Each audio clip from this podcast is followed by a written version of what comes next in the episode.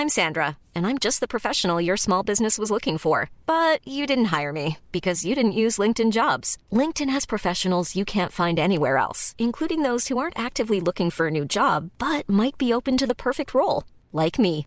In a given month, over 70% of LinkedIn users don't visit other leading job sites. So if you're not looking on LinkedIn, you'll miss out on great candidates like Sandra. Start hiring professionals like a professional. Post your free job on linkedin.com/people today. Hey, I'm Ryan Reynolds. At Mint Mobile, we like to do the opposite of what Big Wireless does. They charge you a lot, we charge you a little. So naturally, when they announced they'd be raising their prices due to inflation, we decided to deflate our prices due to not hating you.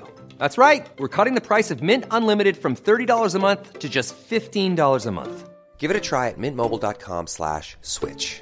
$45 upfront for three months plus taxes and fees. Promo rate for new customers for limited time. Unlimited more than 40 gigabytes per month. Slows. Full terms at mintmobile.com. Planning for your next trip?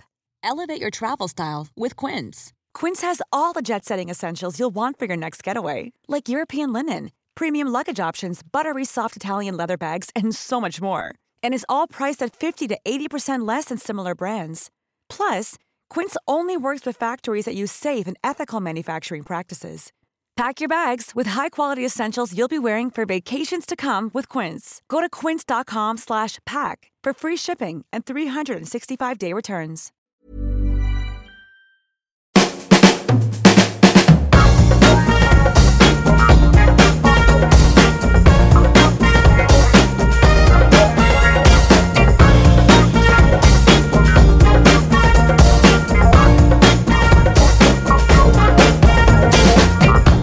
Välkomna till Health for Wealth, en podd om hälsa på arbetsplatsen. Det här är vår tredje säsong, avsnitt 25. Jag heter Boel Stier och är copywriter och kommunikatör. Jag heter Ann-Sofie Forsmark. Jag är hälsostrateg, civilekonom och hälsocoach. Vårt motto i den här podden, eh, eller vårt tes om man så vill, är att hälsosatsningar på jobbet är lönsamma om de görs strategiskt och hållbart. Därför gillar vi också hur vår partner Skandia satsar på hälsa. Ja, och det har ju visat sig lönsamt för deras kunder och för dem såklart. Eh, Win-win helt enkelt. Och sjuktalen hos deras kundföretag har sänkts från 4,8 till 2 procent på de tio år som de har gjort den här stora hälsosatsningen. Precis, och eftersom de vet, och vi alla vet, att det är mest effektivt och mest lönsamt, både mätt i pengar och hälsa, att hantera problem förebyggande, så gör de just det och kallar det för hälsokedjan. Just det. Och alla företag som har en tjänstepension med sjukförsäkring hos Skandia i form av en kostnadsfri hälsoförsäkring kan ha tillgång till den. Och medarbetare får hjälp redan när man är i obalans, och oavsett, det här är bra också tycker jag, att oavsett om problemen går att härröra till jobbet eller det privata, för det, det är ibland ganska svårt att avgöra. Precis. Och ehm, en person blir då en sorts hälso och rehabvägledare som följer med från start till mål. Och enligt deras egna siffror så betyder det att 8 av 10 får hjälp innan det har gått så långt att det har lett till sjukskrivning. Och det här är ju jätteviktigt eftersom vi vill ju vara, vi vill ju vara proaktiva med åtgärder. Och eh, det här är ju verkligen en proaktiv åtgärd. Mm, nej, men det är toppen. Och sen naturligtvis, behöver man sjukskrivas så ska man ju göra det. Mm. det så. Eh, läs gärna mer på skandia.se snedstreck friskare medarbetare. Idag ska vi prata om empatiskt ledarskap och compassion. Ja, vi ska reda ut vad det betyder på svenska också. Mm. Och en tillbakablick. För förra avsnittet pratade jag med Magnus Persson som är vd för Vitek Fastighet. Och de gjorde en satsning där man gick från enskild provision till gruppprovision. Och syftet var lönsamhet, men man fick trivsel och hälsa på köpet. Och känslan av att göra saker ihop och driva affären tillsammans snarare än att tävla mot varandra, ja, det var ju föga förvånande väldigt positivt. Även om det krävde personliga lösningar för att få med alla på tåget. Ja, och så kom det fram också att det kräver ett lyhört ledarskap. För det finns en risk i en högpresterande kultur att man vill göra så himla mycket för laget och springa lite väl fort. Och det gäller ju att springa hållbart för att använda en idrottsmetafor. Mm, brukar man prata om håll? Ja, det kanske man gör. Ehm, Ja, idag ska vi som sagt prata om ledarskap och medkänsla. Vår partner Twitch Health hjälper sina kunder att göra hälsa till en del av kulturen i organisationen. Ett sätt att nå dit är att chefen tar upp medarbetarens hälsa i utvecklingssamtalet. Mm. Och för vissa chefer så kommer ju det här naturligt och andra kanske måste träna mer på att både våga och kunna hantera hälsofrågan. Här är sex tips från Twitch som hjälper dig som chef att prata om hälsa i utvecklingssamtalet. Tänk på att frågor om hälsa i grunden handlar om omtanke. Både arbetsgivare och medarbetare vinner på god hälsa. Använd ett coachande förhållningssätt. Tänk på att kommunicera och inte informera i samtalet. Utgå gärna från en mall eller modell så att både du och medarbetaren kan förbereda er inför samtalet. Ett exempel är hälsokorset, där man får uppskatta var man befinner sig i förhållande till två axlar. Sjuk, frisk och mår dåligt, mår bra. Förbered öppna frågor, till exempel hur upplever du och berätta mer, istället för frågor som kan besvaras med ett kort nej eller ja. Skapa en utvecklingsplan inom hälsa för medarbetaren, som följs upp med en utmanande men ändå realistisk målsättning. Våga prova helt enkelt. Och om du vill lära mer om det här så går du in på www.twitchhealth.se. Idag ska vi prata med Kristina Andersson om ett relativt nytt forskningsområde, compassion.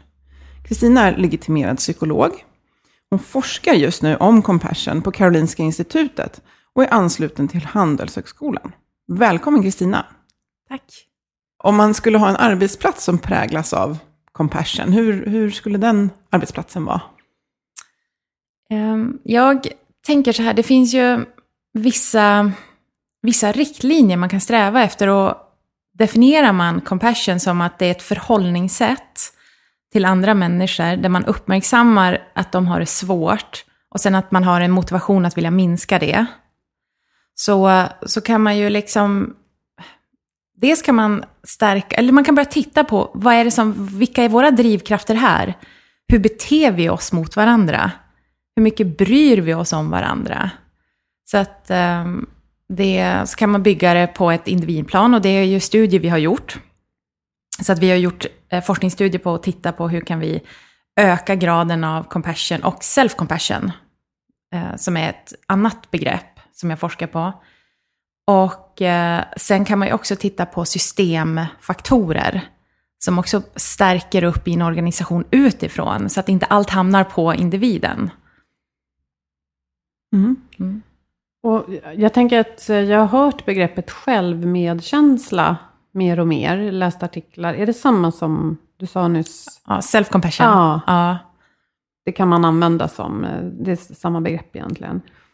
Ja, men precis. Det är bara att man riktar den här välviljan. För det, där tänker jag det kan vara en markör. Liksom, hur, hur trivs man på sin arbetsplats? Hur, mycket, hur hjälpsamma är vi? Och då såg vi i den studien vi gjorde att eh, ju högre grad av stress det är i en, stu- eller i en, eh, i en organisation, desto lägre välvilja är det. Om vi nu går mot att vi behöver varandra, vi är väldigt beroende om vi jobbar i projekt och kanske har kontakt över långa avstånd. Då behöver vi ju kunna lita på varandra. Kan man mm. säga att, um, alltså upplever man negativ stress, till exempel i form av otydlighet mm. eller konflikter och så, då, då är ju det ett hinder för eh, samverkande och att vara medkännande. Mm. Och att det är det här som är ganska fascinerande, att eh, det här att man behöver lägga märke till då, är man i ett compassion mindset eller är man i ett slags go and get eh, drive mindset eller är man i ett eh, hot mindset? Så påverkar det allt från att, eh, hur vi mår, det påverkar hur vi tänker, det påverkar hur vi känner och vad vi gör. Så att det är det här man behöver kartlägga. Så, um, mm. Men jag tänker, kan det här, det här typ, den här sortens tänkande eller den här sortens ledarskap, mm. kan det vara förebyggande då för att man ska minska eh, möjlig stress? Jag tänker att ledaren har ju en viktig roll att föregå som exempel. För att vi, det är ju så i utvecklingspsykologin, men det kan vi ju se, vi, vi ser ju vad, vilken värdering har företaget. Så att compassion eller medkänsla tycker jag också kan betraktas som en, ett val. Vilka värderingar vill vi ha? Och sen att man faktiskt börjar efterleva dem. Och det är därför en, ett slags eh, nyckelbegrepp i compassion-träningen handlar om att skapa inre trygghet. Men också generera trygghet i en grupp. Och då har man ju sett i att oftast när vi är livrädda eller känner oss hotade eller väldigt målinriktad, då kan ju en sån värdering som medkänsla och bry sig om, det, då står man sig själv närmast. Det är ju vanligt att man hör. Därför behöver man verkligen träna det här och vi har sett effekter då på att det faktiskt kan, man kan träna och bygga om hjärnan. Så att man inte reagerar lika instinktivt. Det är ju jättehäftigt. Mm. Och jag tänker just att, ja, du har också sagt att när hjärnan är trygg och i sitt trygghetssystem, som du ska få förklara sen, och inte mm. stressad eller i försvarstillstånd, det är då vi får tillgång till de här nya delarna där vi kan koncentrera oss bättre och vi kan samverka och vara kreativa. Eh, och det här är ju egenskaper som de flesta arbetsplatser behöver för att driva verksamheten framåt och jobba i projekt och så. Mm. Eh, så förklara begreppet trygghetssystem och också hur det hur hänger det ihop med, med, med arbetsplatsen? Mm. Eh, trygghetssystemet är ett eh, biologiskt system som vi har i oss. Och det kan kopplas till eh, faktorer som eh, när vi känner oss eh, ja, men, lugna. Vi, eh, det är koppling till ett läkande system i kroppen. Så för att uppnå hälsa behöver vi vara i vårt trygghetssystem. Bland annat har man sett att eh, det, det minskar inflammationsmarkörer i blodet. Och bland annat om vi tänker kosten är viktigt, sömnen är viktigt, men vi kan också då aktivera det här trygghetssystemet för det. Sen så har det samman med att eh, vi känner att vi kan känna den här samhörigheten. Så det baseras på ett hormon som heter oxytocin, som är just det här trygghetsavslappnande eh, hormonet.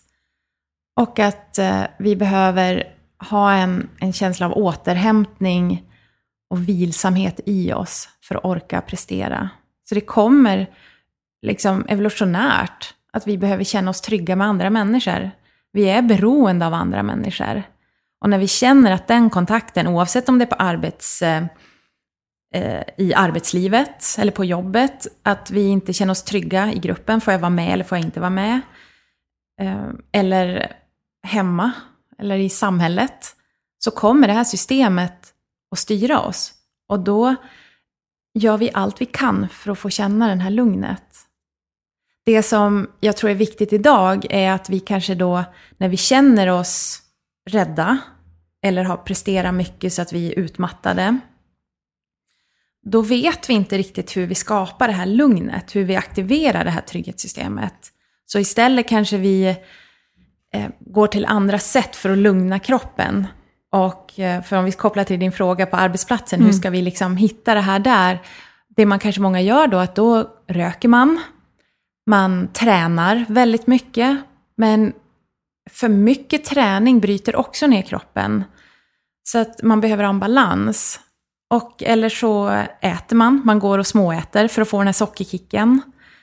Eller så kan man ta till ännu mer destruktiva beteenden, bara för att få den här tillfälliga lättnaden.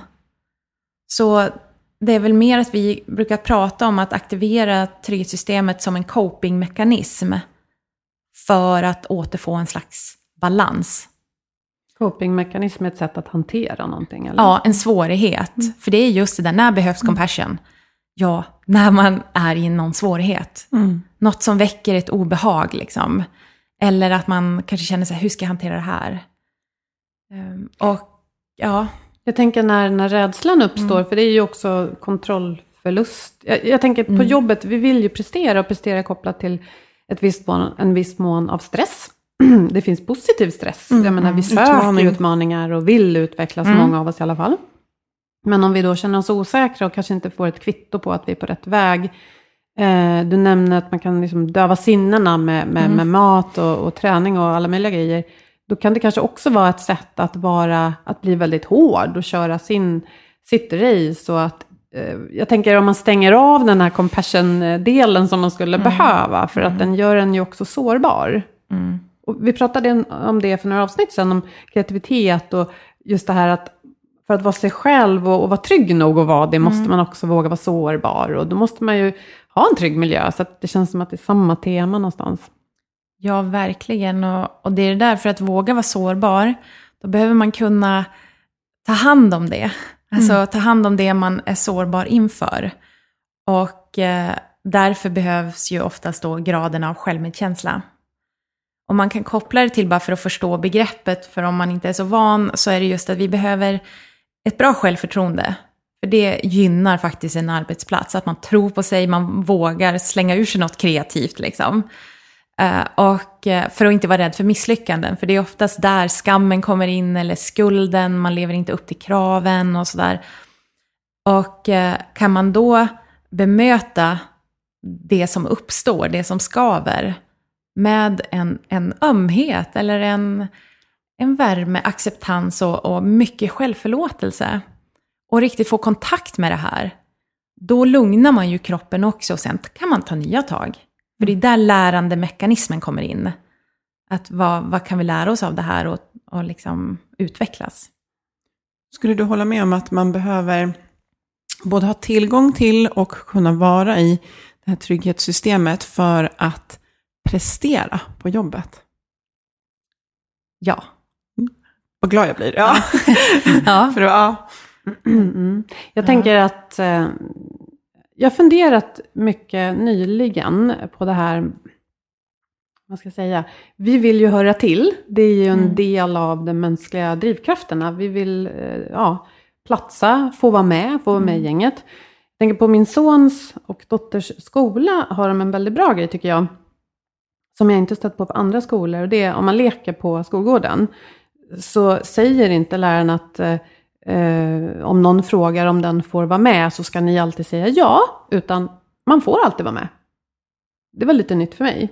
Så att man kommer till eh, en, en klunga barn om man är, kommer ut senare på rasten. säger man hej jag är med. Ja bra säger de. Och så tänker jag att det där är väl det man behöver på jobbet också.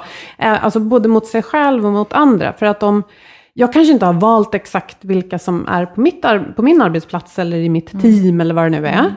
Men om vi förutsätter att alla som är med här ska vara med, så är det. Alla hör till.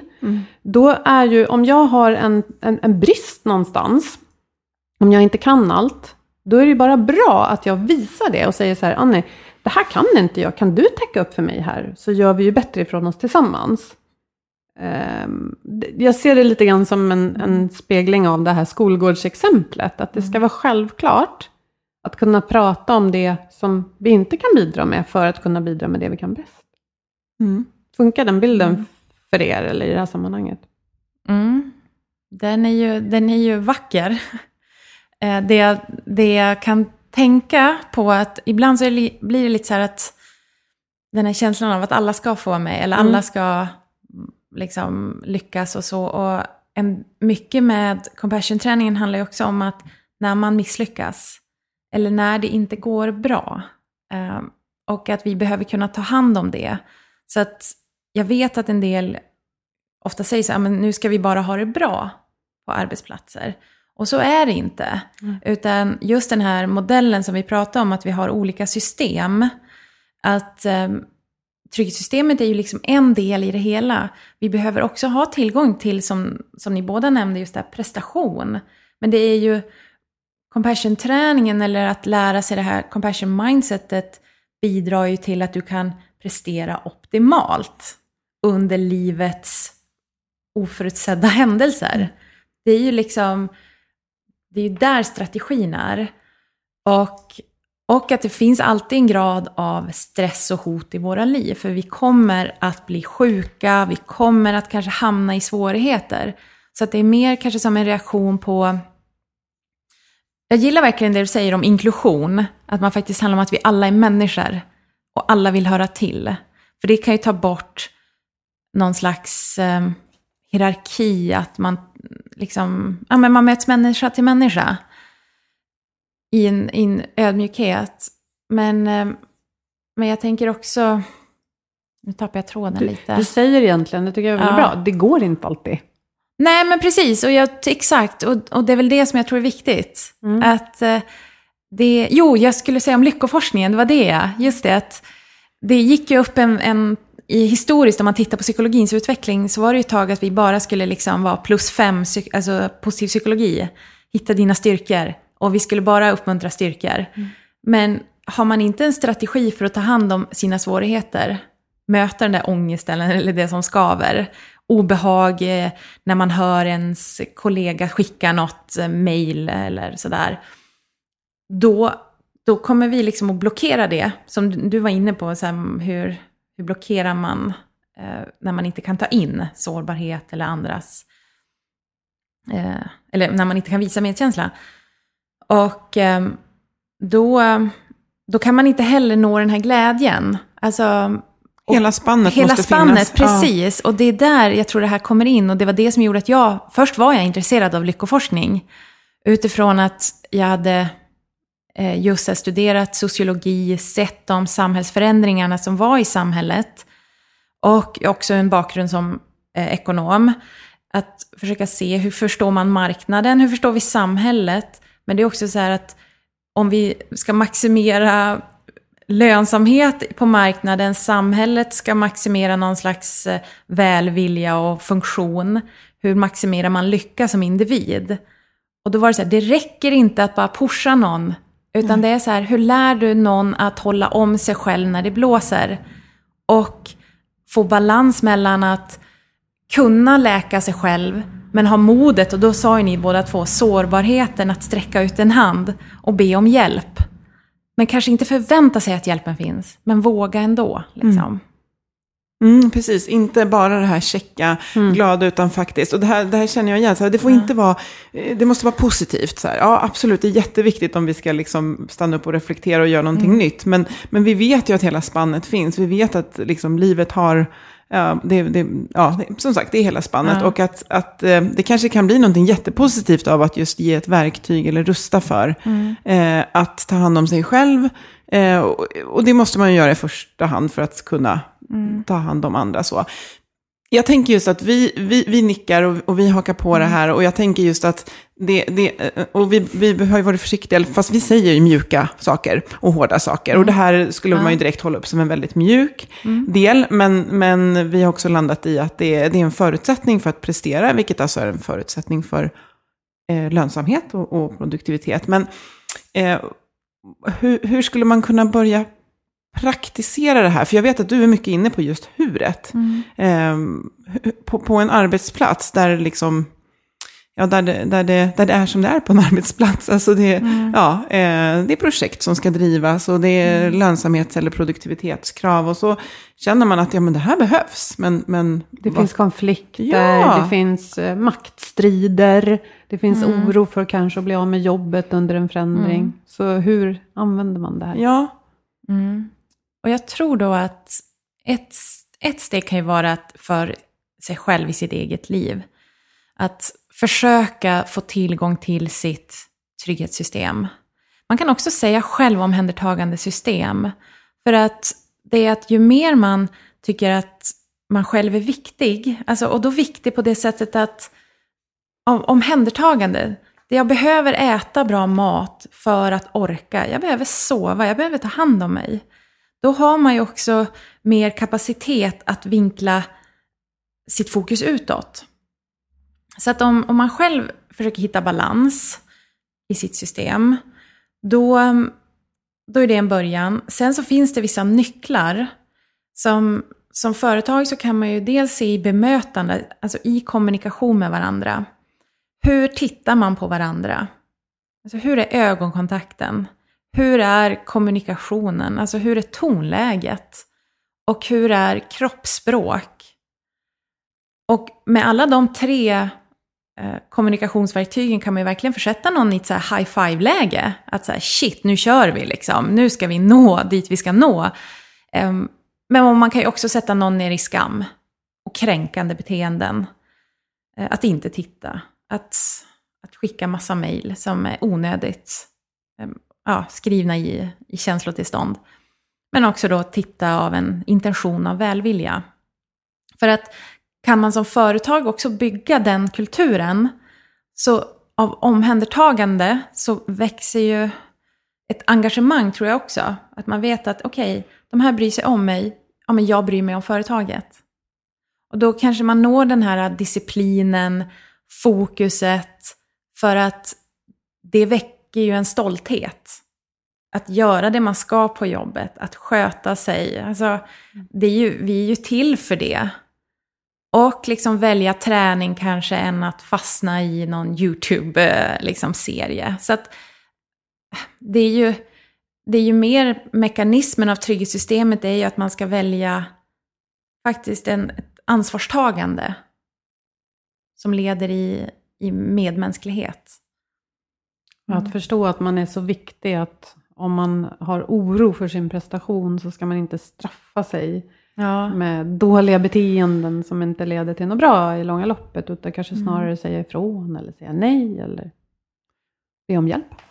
Ja, du säger något, nu har du sagt det två gånger, så nu måste jag fånga upp det. Du är ja. inne på något bra där. Precis, att, att compassion också är just det där att man har sett eh, med självkritiken. Eh, och att om, eh, om man bär på en inre kritiker och, som är dömande och, och söker perfektion, då är det samma effekt på vår hjärna som om man faktiskt möter någon yttre som säger det där. Och då går man ju i ett hottillstånd hela tiden och, och då vet vi, då stänger det av eh, frontalloberna och man fattar väldigt kortsiktiga beslut och skyddande beslut. Och det som är det svåra med det här är att man vet inte. Alltså att man, man tycker det låter så klokt när man gör, fattar de besluten. Fast det kanske inte är det. Och det är oftast det man kanske märker då att när man då tittar tillbaka och är lite tryggare, då säger man så här, varför gjorde jag så? Mm. För det jag bara reflekterar över utifrån liksom hälsocoachperspektivet, mm. det är ju just det här också att, att ta hand om sig själv. Det är ju såklart att sova ordentligt och äta mm. bra och röra på sig, men det är ju många som fastnar där och att det blir väldigt mycket nitiskt, alltså det här som man pratar om lite ortorektiska, liksom mm. att ta hand om sig själv, medan man gör det till en viss nivå. Nu är jag i balans och nu vänder jag mitt fokus utåt och gör eh, vad jag kan mm. för andra. Alltså då börjar min, min medkänsla, eh, när den är på plats hos mig, det är då jag kan eh, se andra. Och då blir det också en positiv mm. loop. För att jag tror inte att man mår bra, du får säga emot mig nu, men, mm. men man, om man fastnar i, i sig själv. Utan det är ju just det här att när du mår tillräckligt bra, då kan ju jag vara, mm. ta hand om mig, se dig, ta hand om mig, se dig. Liksom och, ja. Ja, men precis. Och då är det när man är fast i kanske sitt prestationssystem då, som är det kompletterande systemet, att ja, men då tränar man. Det är ju så här, varför tränar jag? Är det bara för att få den här bekräftelsen, ytan, alltså i den sociala medievärlden vi lever i? Men kan man, precis som du säger, träna för att känna så här, nu är jag stabil för att hjälpa andra, för att bidra. Ja. Då, mm. då har vi ju nått dit och det är där jag tänker att man kan ju bara träna fysiskt till en viss del. Och det såg vi också i vår studie, där vi hade en kontrollgrupp som gjorde fysisk träning. Och den hade, kontrollgruppen, alltså det, resultatet av den studien var så här, att vi vet att self-compassion, eller självmedkänsla, det är ett av de starkaste begreppen idag kopplat till psykiskt välmående. Och då såg vi att fysisk träning har inte effekt på self-compassion. Och det är därför jag tänker att vi är många som är högpresterande idag kan springa varje dag, göra tusen situps, men ändå känna så här, jag mår inte bra på insidan. Mm. Så att det är att få den här balansen mellan att träna fysiskt för att det, det bidrar till god hälsa, men också den inre mentala och psykologiska hälsan.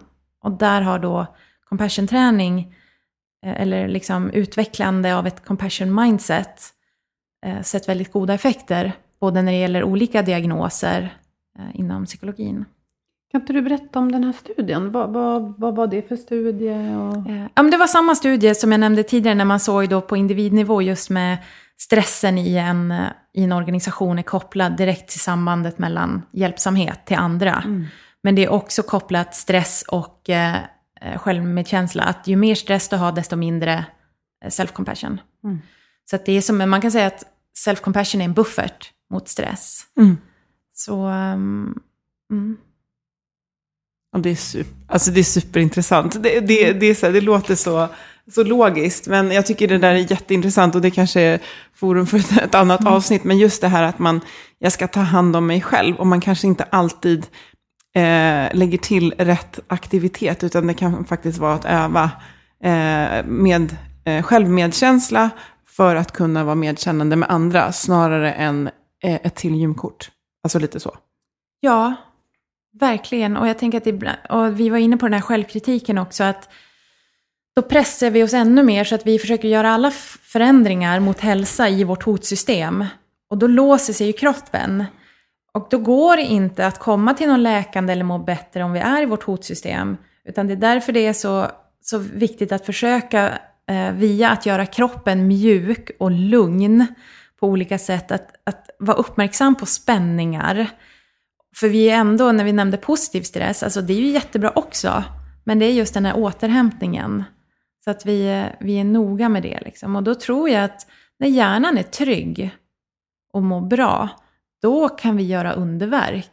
Och jag tror på en samhällsnivå, även som företag, då är det ju så här att vad, vad är vårt mission? Och, och, då kan man ju också säga så här, ja, vi, vad är det vi ska erövra? För det är ju det här go and get, det har vi ju sen savannen. Mm. Så det är ju inte konstigt, men vi kan väl go and get the good stuff liksom. Alltså, tillsammans. Typ så. Ja, typ tillsammans. Mm. mm. Och inte tänka att så här, ja men det blir på bekostnad och vi ser ju andra krafter som växer idag, som kanske inte är så eh, compassionate. Men vi kan ju tolka och förstå det beroende på vilka eh, liksom mindsets ja. vi är i. Vi själva är. Mm. Mm, precis. Mm, det finns många hotbilder och många rädsloreaktioner just nu. Ja, verkligen. Och har man inte tillgång till att göra hjärnan trygg, då vill vi ju inte vara närvarande heller om vi pratar mindfulness. För det är ju ologiskt. Det är ganska bra att ta till alla dessa tekniker vi kan bara för att liksom drömma oss bort om vi är i ett obehag. Mm. Och det är därför vi oftast letar och bokar en resa eller sitter och fantiserar om vad vi ska beställa på nätet. Liksom. Men kan vi vara mindful med ett compassion-intention, då, då är det bättre att vara närvarande. Mm. Mm. Kanske också att se på sin omvärld då med snarare, eh, se om jag får det rätt, medkänsla än empati, att inte känna sig över, eh, översvallad eller att man drunknar i vad ska jag säga, mm. dåliga omvärldsnyheter eller oro för hur det ska gå för mig på jobbet utan att försöka se det. För jag mm. tänker att mm. medkänsla verkar lite mer handlingskraftigt också. Ja, man har sett i hjärnstudier att det finns en skillnad mellan om vi tänker definitionsmässigt då att jag kan ju se någon som behöver hjälp och så kan jag vara jätteempatisk och bara Gud vad synd det är om den och sen mår jag lite dåligt. Men skillnaden om jag tränar compassion är att jag ser, lägger märke till det och sen aktiveras motocortex som är här, alltså, och det är vårt rörelsebeteendesystem. Alltså premotocortex aktiveras så att jag är, det leder till en aktiv handling.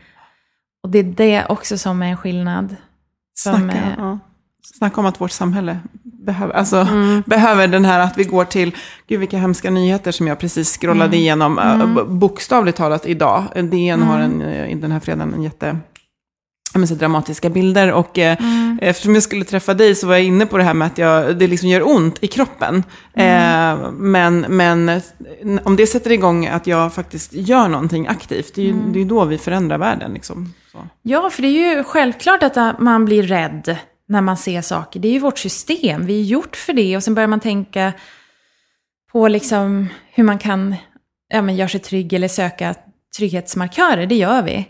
Och jag tror också för att ibland kanske man också känner så här, men det där ansvaret som läggs på mina axlar, jag orkar inte. Och då blir det ju lätt det här, men vad kan väl jag bidra med? Det är liksom, och sen stannar man där, vilket mm. det ofta gör. Mm. Men då kallas det eh, compassion satisfaction, eller välbefinnande. Och det kan man då uppmärksamma, så två aspekter, att man, man kanske känner sig, vart vill jag bidra? Och sen börjar man lägga märke till om man gör något gott för någon. Och sen lite markerar man det för sig själv. Inte för att liksom och boosta upp sig, men ändå lite så här att ja men det här gjorde du bra, det här var gott. Och sen kan man, när man kanske känner sig ensam i att ja men ska jag vara den som gör allting nu då? Liksom? Då agerar man ju lite utifrån det här hot igen. Mm. Och då kan man också igen börja se, nej men det finns faktiskt andra som bidrar också. Och det igen gör att vi vet också det att om hjärnan tror att man är ensam, då blir det också ett stresspåslag. Medan ju fler vi är, är liksom, och samhörighetskänslan, då minskar det. Så att man kan liksom, man kan boosta upp sina compassion-handlingar också. Mm. Mm. Intressant. Mm. Ja, vi skulle ju kunna prata hur Ja, länge som verkligen. helst. Ja, men jag tänker just om någon Mm. sitter och nickar och tänker just så här, okej, jag är på jobbet och vad skulle jag kunna göra? Jag älskar såna här grejer som är så små, f- men blir så stora just för att man kan göra dem typ på en gång. Ehm, så vad kan man göra en, för du pratade om att man ska liksom börja med sig själv, men om jag skulle vilja liksom påverka, jag känner så här, ja, men jag är, jag är ganska självmedkännande, men nu vill jag påverka Boel, eller den här gruppen jag sitter i på jobbet, vad kan man göra? Alltså, dels kan man, alltså det räcker ibland att bara så här ha en intention och liksom visa den här värmen och vänligheten till någon. Och sen kan man ställa en fråga om man ser att, att Boel, du skulle behöva någonting. Alltså så här, kan, jag, kan jag hjälpa dig med något? Kan man göra. Sen kan man ju faktiskt också sprida den här äh, alltså atmosfären av att notera när andra kanske har det svårt. Det är där det behövs. Liksom. Funkar det, då, då kanske man inte liksom behöver vara där och grotta. Liksom. Utan det kan ju vara att visa compassion kan ju vara liksom att ge en stabilitet till någon. Eller liksom. Mm. Mm. Säga att man finns, om det är så att man behövs. Ja, Mm. att, ehm, ja, så att det är lite olika. Jag tror att man kan ställa sig frågan lite grann så här, men vad är, vad är compassion för mig liksom? Eller vad, vad, hur vill jag vara? Och vad vill jag bidra med? Det är inte svårare än så heller. Det är liksom, jag tror att börjar man liksom tänka kring det så ser man det. Jag tänker på en sak. Vi, Mm. När vi började podda, jag vet första halvåret tror jag, så landade vi ofta, och vi gör det fortfarande idag, ofta i att, men gud, allting handlar om kommunikation. Vi har suttit här och nickat åt varandra och sagt Mm. det många gånger. Och nu känner jag liksom ett skifte, att det här, jag börjar säga för mig själv också, och vi till varandra, att det handlar ju så mycket om hur vi beter oss mot varandra. Det är också kommunikation, Mm. men det är lite tydligare. Det är inte bara så här vad man säger och sen säger tillbaka, Mm. utan hela bemötandet, hur vi, som, hur vi vill vara, som du sa. Mm. Och det kanske kan räcka med att man tar en sån diskussion på jobbet. Ja. Hur vill vi vara mot varandra här? Ja, och eh, jag, jag tänker att ibland så är det ju så här att det kan vara tomrum där också. Är man för mycket i hot och prestation så vet man inte så här, ja, vad finns det annars liksom? Och då, eh, så att ni är ju inne på rätt spår, så här, ge, ge lite så här compassion-checklista. Eh, Så att, men jag skulle nog säga att det finns, eh, ja men dels boken som är ganska lättläst, för att när man har läst min senaste bok så kan det vara att då fångar man upp sina komponenter. Eh, För det är ju, så, det är ju icke-dömande och det är ju visa värme och vänlighet och så. Så att jag tror att börja aktivera sitt eget trygsystem så kommer ens blick att bli annorlunda. Vad heter din senaste bok? Compassion-effekten. Och sen finns det en gratis app.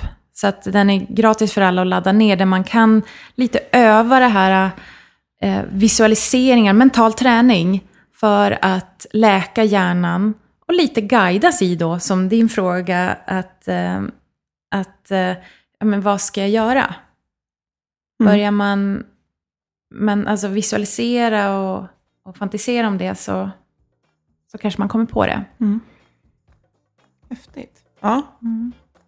Tusen tack som sagt. Vi har Mm, kunnat, ett outtömligt ämne känns det som. Eh, och alla varmt om hjärtat Mm. på något sätt. Mm, verkligen. Tack själv.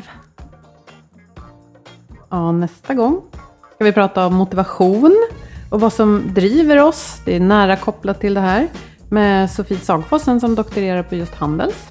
Mm. En parallell.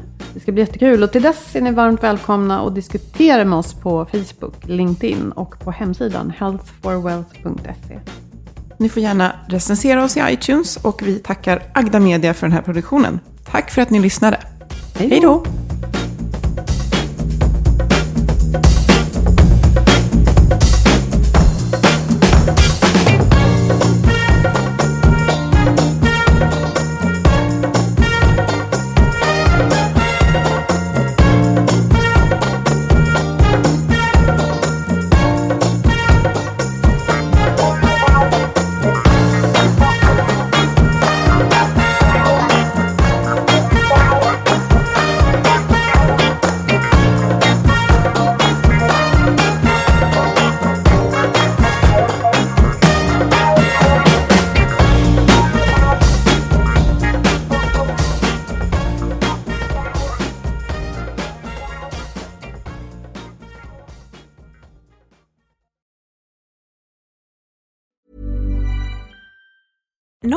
Being a little extra can be a bit much, but when it comes to healthcare, it pays to be extra.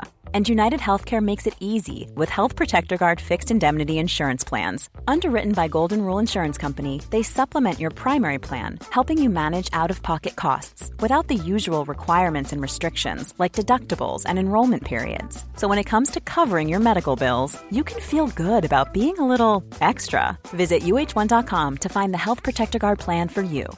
Hi, I'm Daniel, founder of Pretty Litter. Cats and cat owners deserve better than any old fashioned litter. That's why I teamed up with scientists and veterinarians to create Pretty Litter.